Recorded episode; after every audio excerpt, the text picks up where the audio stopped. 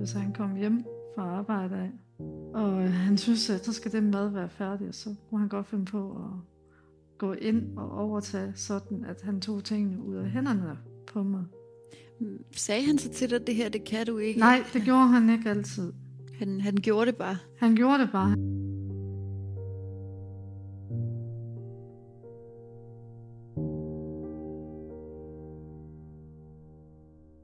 Sonja Hansen var sammen med sin forhenværende mand i 12 år. Men det var ikke et forhold som de fleste. Hvad der startede som en stor hjælpsomhed og accept fra hans side, blev efterhånden afløst af social kontrol og nedværdigende adfærd, der tog afsæt i hendes synshandicap. Men hvorfor skred hun så ikke bare, tænker du måske? I dagens afsnit prøver jeg at forstå, hvorfor et forhold kan blive meget ulige, hvis den ene part har et synshandicap. Og hvad der gør det svært at bryde med sin partner, selvom forholdet ikke er sundt. Inden vi begynder dette afsnit, skal jeg gøre opmærksom på, at det her er Anjas oplevelser af sit og hendes eksmands forhold. Vi har kontaktet ham gentagende gange for at høre hans perspektiv, men han er desværre ikke vendt tilbage på vores henvendelser. Af hensyn til hans privatliv har vi valgt ikke at bringe hans navn i afsnittet.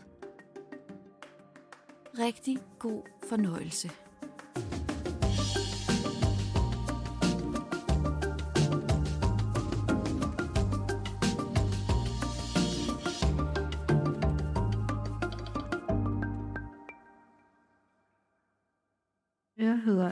Hansen. Jeg er 51 år og er næsten blind. Jeg kan godt skimte lys. Anja og hendes eksmands forhold startede som så mange andre med et tilfældigt møde i byen. Anja havde en datter fra et tidligere forhold og faldt blandt andet for hans store hjælpsomhed. Og i starten betød Anjas synshandicap ingenting. Vil du ikke starte med at fortælle lidt om, hvordan dig og, øh, og din øh, eksmand, I mødte hinanden? Det gjorde vi i nattelivet inde i Holstebro. Det, der hedder Kilgassen. Og der gik han som afrytter, tog øh, flasker af bordene og sådan noget. Så igennem en veninde, jeg havde på det tidspunkt, kom jeg til at lære ham at kende. Mm. Mm. Da du så ligesom fandt ud af, at ham kunne du rigtig godt lide, øhm, hvad var det så, du, du synes var... Hvad var det, du faldt for ved ham? Der var ikke det, han ikke ville øh, gøre for en. Altså, han så ikke som mit handicap som nogen problem, og var hjælpsom. Når du siger, at han var hjælpsom, øhm, kan du komme med et eksempel, hvor du tænkte, hold da op, det var da dejligt, eller... Det når vi var ude at handle, eller et eller andet, eller så gjorde han det, og det skulle han nok tage sig af. Og på det tidspunkt var jeg alene med min datter, så det kunne han også godt hjælpe med. Så han tog altså hele dig og din familie. Og Yes. Ja. hvor, længe var I, hvor længe boede I sammen? Jeg flyttede ind til ham januar 2006, hvor min datter skulle til på det tidspunkt starte i børnehave. Og så har jeg jo boet sammen med ham lige indtil, ja, det må være 2018. Jeg kan ikke lige... Det Øh, er alligevel 12 år. ja. Der er mange, der troede også det med at blive gift. Mm. Det måtte da også komme til os. Ja. ja.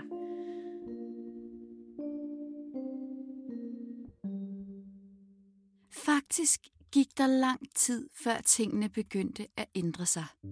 For hvor hans hjælpsomhed tidligere havde været et positivt karaktertræk, så fik det efterhånden mere og mere karakter af umyndiggørelse. Hvad er det så, der begynder at ske? Det er, jeg synes, han bliver meget stille. Mm. Der er nogle ting, som jeg føler, at når man siger noget til ham, så kan han godt vriste sig af en. Hvad kunne han finde på at sige? Altså, sådan, hvis, altså kunne han finde på at blive, blive gal? Altså råbe højt for eksempel? Hvis, hvis... Ja, der var nogle situationer, der kunne han godt råbe øh, højt. Hvad kunne det være for nogle situationer? Det var især, når min datter, hun øh, kom og spurgte om et eller andet. Nej, så... Jeg vil ikke sige lige frem kraftstemme, men lidt i henad imod. Mm. Og hvor jeg samtidig, der burde jeg jo nok have stoppet det, men jeg vil hellere sige, at det var egentlig mig, han skulle skælde ud, men det, det blev det så også.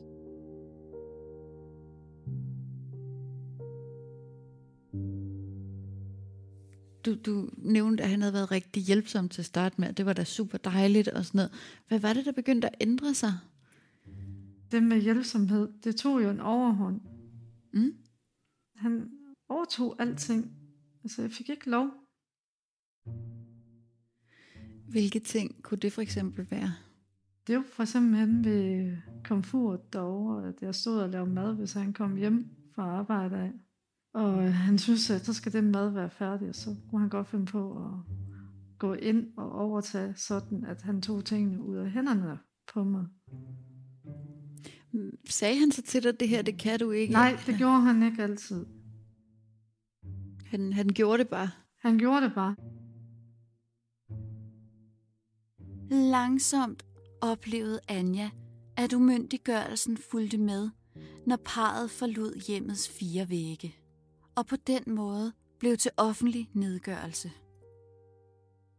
Hun husker for eksempel en kommentar fra et computerkursus i Herning, som fik hende til at føle sig både umyndiggjort, nedgjort og dum. Jeg får jo at vide, at jamen, Anja, du er nok meget kraftig ordblind, og det her, det ville nok være lidt svært for dig. Ja, siger han så. Det vil så sige, hun vil ikke kunne forstå det. Altså han sagde det bare på en anden måde. Man var ikke i tvivl om, i mellem linjen, hun fatter ingenting. Hvordan føltes det?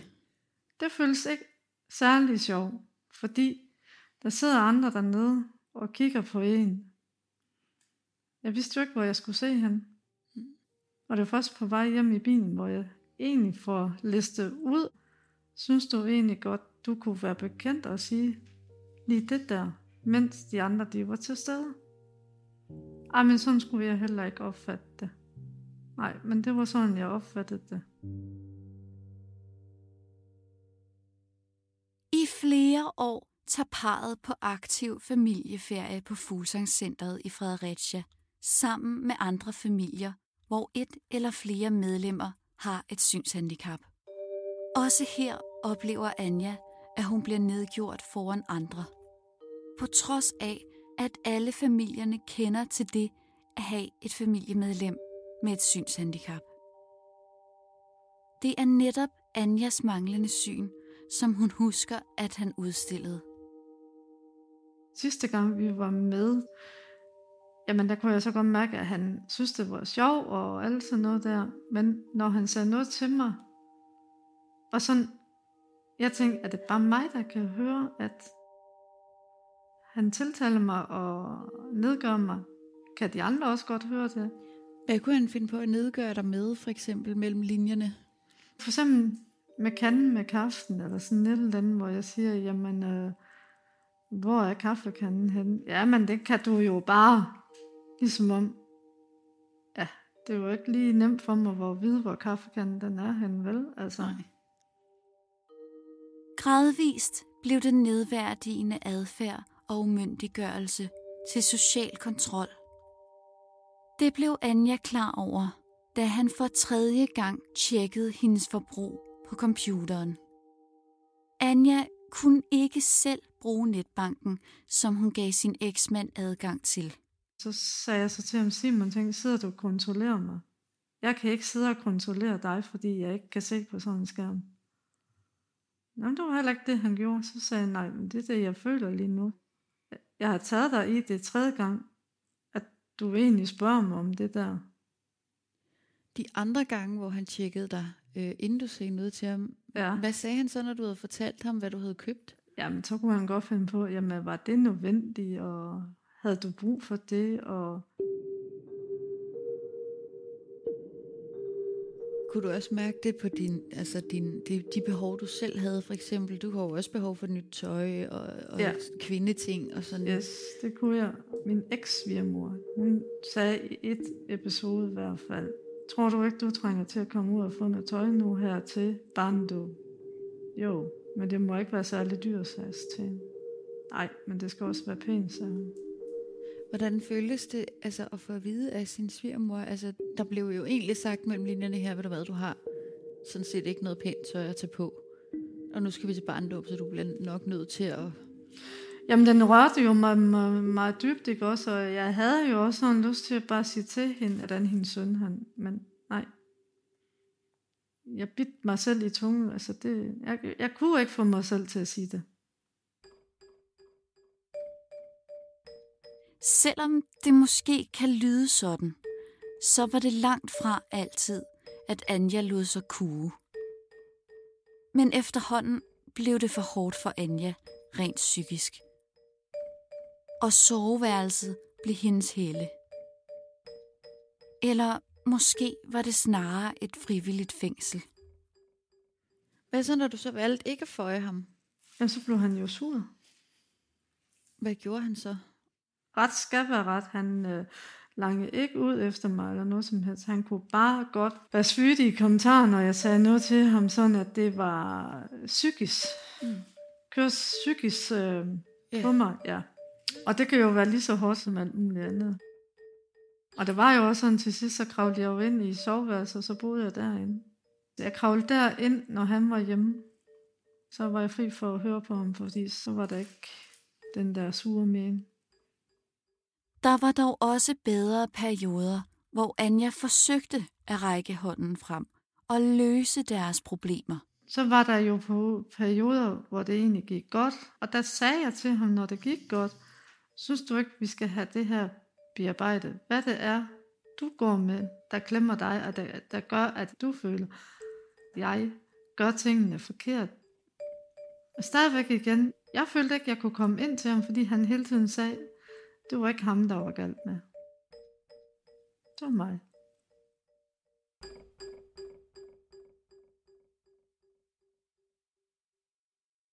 Nu bliver det måske lidt forvirrende, så hold tungen lige i munden. For Anja i den her historie mødte en anden Anja, nemlig Anja Chalupa, til Dansk Blindesamfunds Kvinders Generalforsamling. Og det skulle vise sig at få stor betydning for Anjas liv. For Anja Chalupa, altså hende fra Dansk Blindesamfunds Kvinder, hjalp nemlig Anja til at indse, at alle fejlene og problemerne måske alligevel ikke lå hos hende. Og det var en speciel følelse, da Anja blev konfronteret med, at hendes mands adfærd måske var mere kontrollerende, end hvad godt var.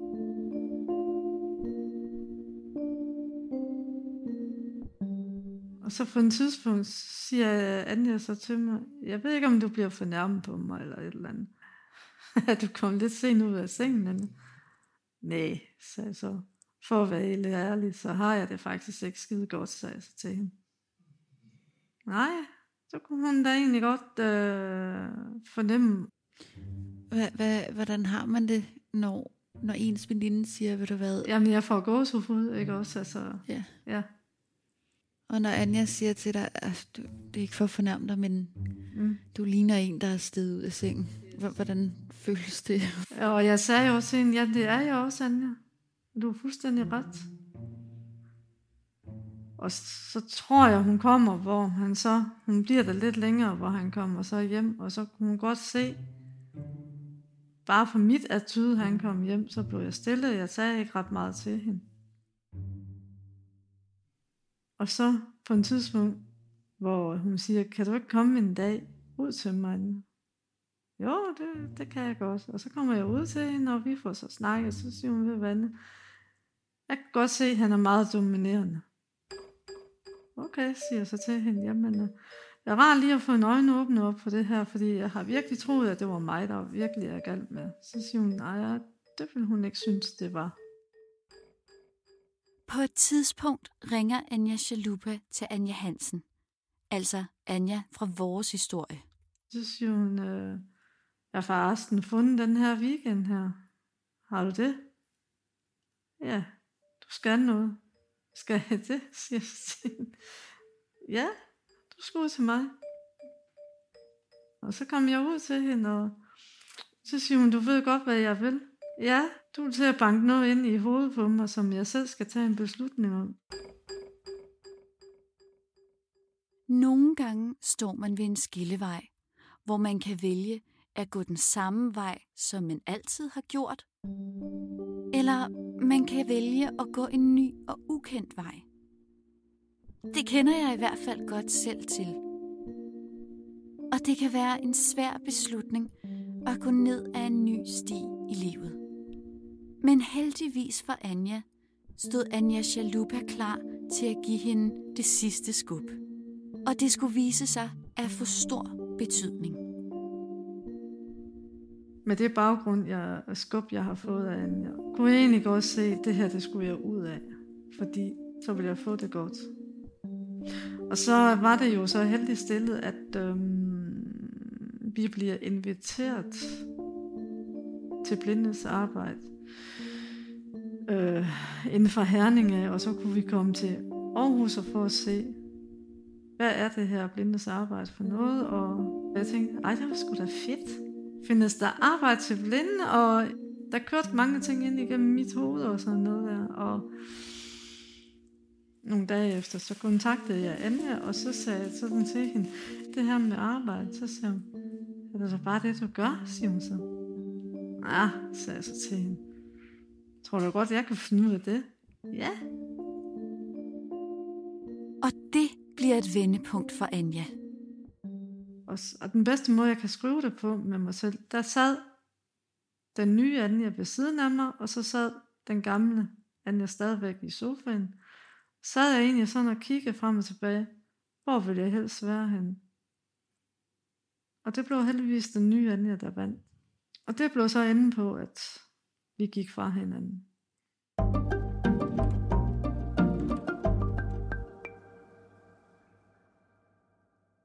Et kærligt skub og ansættelse på blindens arbejde var det, der gjorde udslaget for hende. Men ansættelsen på blindes arbejde viste sig at blive endnu vigtigere, end Anja kunne have forestillet sig. Man siger jo, at der altid kommer en sporvogn og en pige til. Men det gælder åbenbart ikke kun for piger. Her mødte Anja nemlig Bent. Hvad var det så, du fik hos Bent, som, som du havde savnet så meget? Fordi der er jo en grund til, at man gør, Ja, som man gør. jeg fik simpelthen den kærlighed. Jeg fik den forståelse for, hvorfor jeg er træt en gang imellem. Altså, og, og det har Bent så forståelse for, fordi at vi er lige stillet, mig og ham. Vi er begge to blinde, og ja, jeg kan bare være mig selv. Hvordan, altså, hvordan føltes det, da du pludselig havde, altså stod der og øh, var kommet ud af det og havde taget beslutninger om, at nu vil jeg altså ikke være her mere? Jamen det hele, det kom bare lige så stille hen ad vejen, at jeg blev sådan lettet ud af det. Og nu har jeg bare her i dag, ikke? Altså, jeg er simpelthen så... Altså, jo, jeg er glad for, at mig og Bent, vi bor sammen. Men det, der egentlig gør mig mest glad, det er, at jeg står op, jeg har arbejde. Ja. Og tager ind til omvendt far arbejde, nu skal jeg hjem til Bent. Og så resten af dagen, den kan blive god. Nu sidder du sikkert og tænker rigtig mange tanker om Anjas eksmand, og det forstår jeg godt. Men det er samtidig vigtigt at huske på, at mennesker altid indeholder mange nuancer. Anja fortæller selv, at hun i dag har et fint forhold til ham. Og at han er en god og kærlig far, selvom Anja også oplevede ham som kontrollerende og dominerende. Hun er et godt sted i dag, og hendes børn er glade for Bent. Og så har hun endelig fundet noget, hun er god til. Det giver nogle ordentlige rifter, men for hende er det bare det hele værd. Og så endte det jo så med lige så stille hen ad vejen, at øh, nu er jeg kommet op på tre gange i ugen. Så jeg har 18 timer. Hvordan føles det? Fedt. det må være så dejligt, Ja. endelig at have fundet noget, man, man er rigtig god til at synes, er Ja, fedt og at jeg leve. føler, at her kan de godt bruge mig, og jeg kan bruge mine hænder, og det ene og det andet, og det...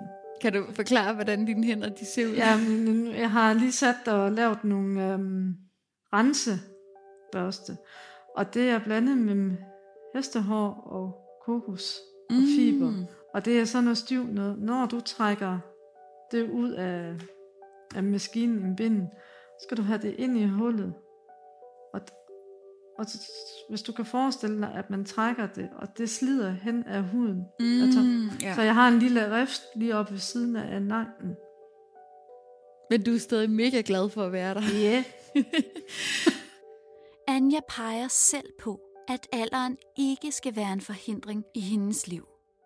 Og det er vist noget, vi alle, unge som gamle, kan lære rigtig meget af. Jamen det har gjort simpelthen, at jeg kommer ud af sengen, kommer op og kommer herind til nogle dejlige kollegaer. Det giver mig noget indhold i mit liv. Det er noget af det bedste, jeg har, sådan set har gjort. Som 51 år, ikke? Altså,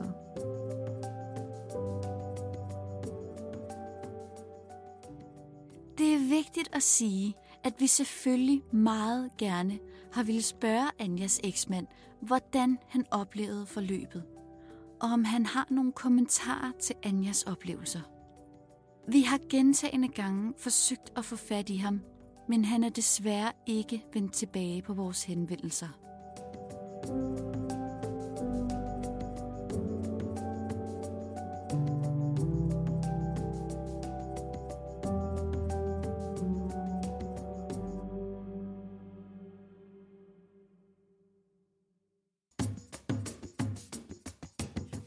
du ikke fra ham noget før? ja, hvorfor gik jeg ikke fra ham? Anjas historie er på en gang benhård og helt fantastisk. Jeg synes, det er utrolig modigt, at man tør vende op og ned på sit liv i den alder. Men ligesom jeg selv gjorde, så sidder du måske med et vigtigt spørgsmål. Hvorfor i alverden skred hun ikke bare lang tid, før det gik så galt? Derfor prøver vi i næste afsnit at besvare netop det spørgsmål, hvor jeg taler med Mette Marie Yde fra Dannerhusets Kvindekrisecenter. Det går ind og har sådan en rigtig negativ påvirkning af hendes selvværd og hendes selvtillid. Og det får hun nok også at vide, at hun ikke er noget værd, at der er ingen andre, der vil kunne lide hende, at hun ikke kan klare sig selv. Hør med i næste uge, hvor vi dykker ned i, hvordan dynamikker i ulige forhold virker. Hvad man selv eller som pårørende kan gøre ved det, og hvordan man i sidste ende kommer ud på den anden side.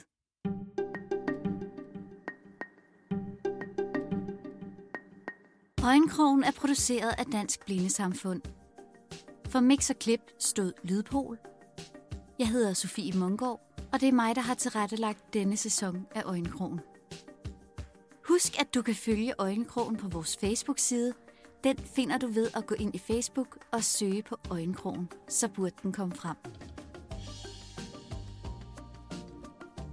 Du kan lytte til Øjenkrogen i din foretrukne podcast-app eller på blind.dk-podcast. Vi lyttes ved. Som den kvikke lytter nok har bemærket, så blev sæsonen skudt i gang på en tirsdag. Og det gjorde den, fordi det faldt sammen med kvindernes internationale kampdag, hvor vi synes, at det her afsnit passede rigtig godt ind.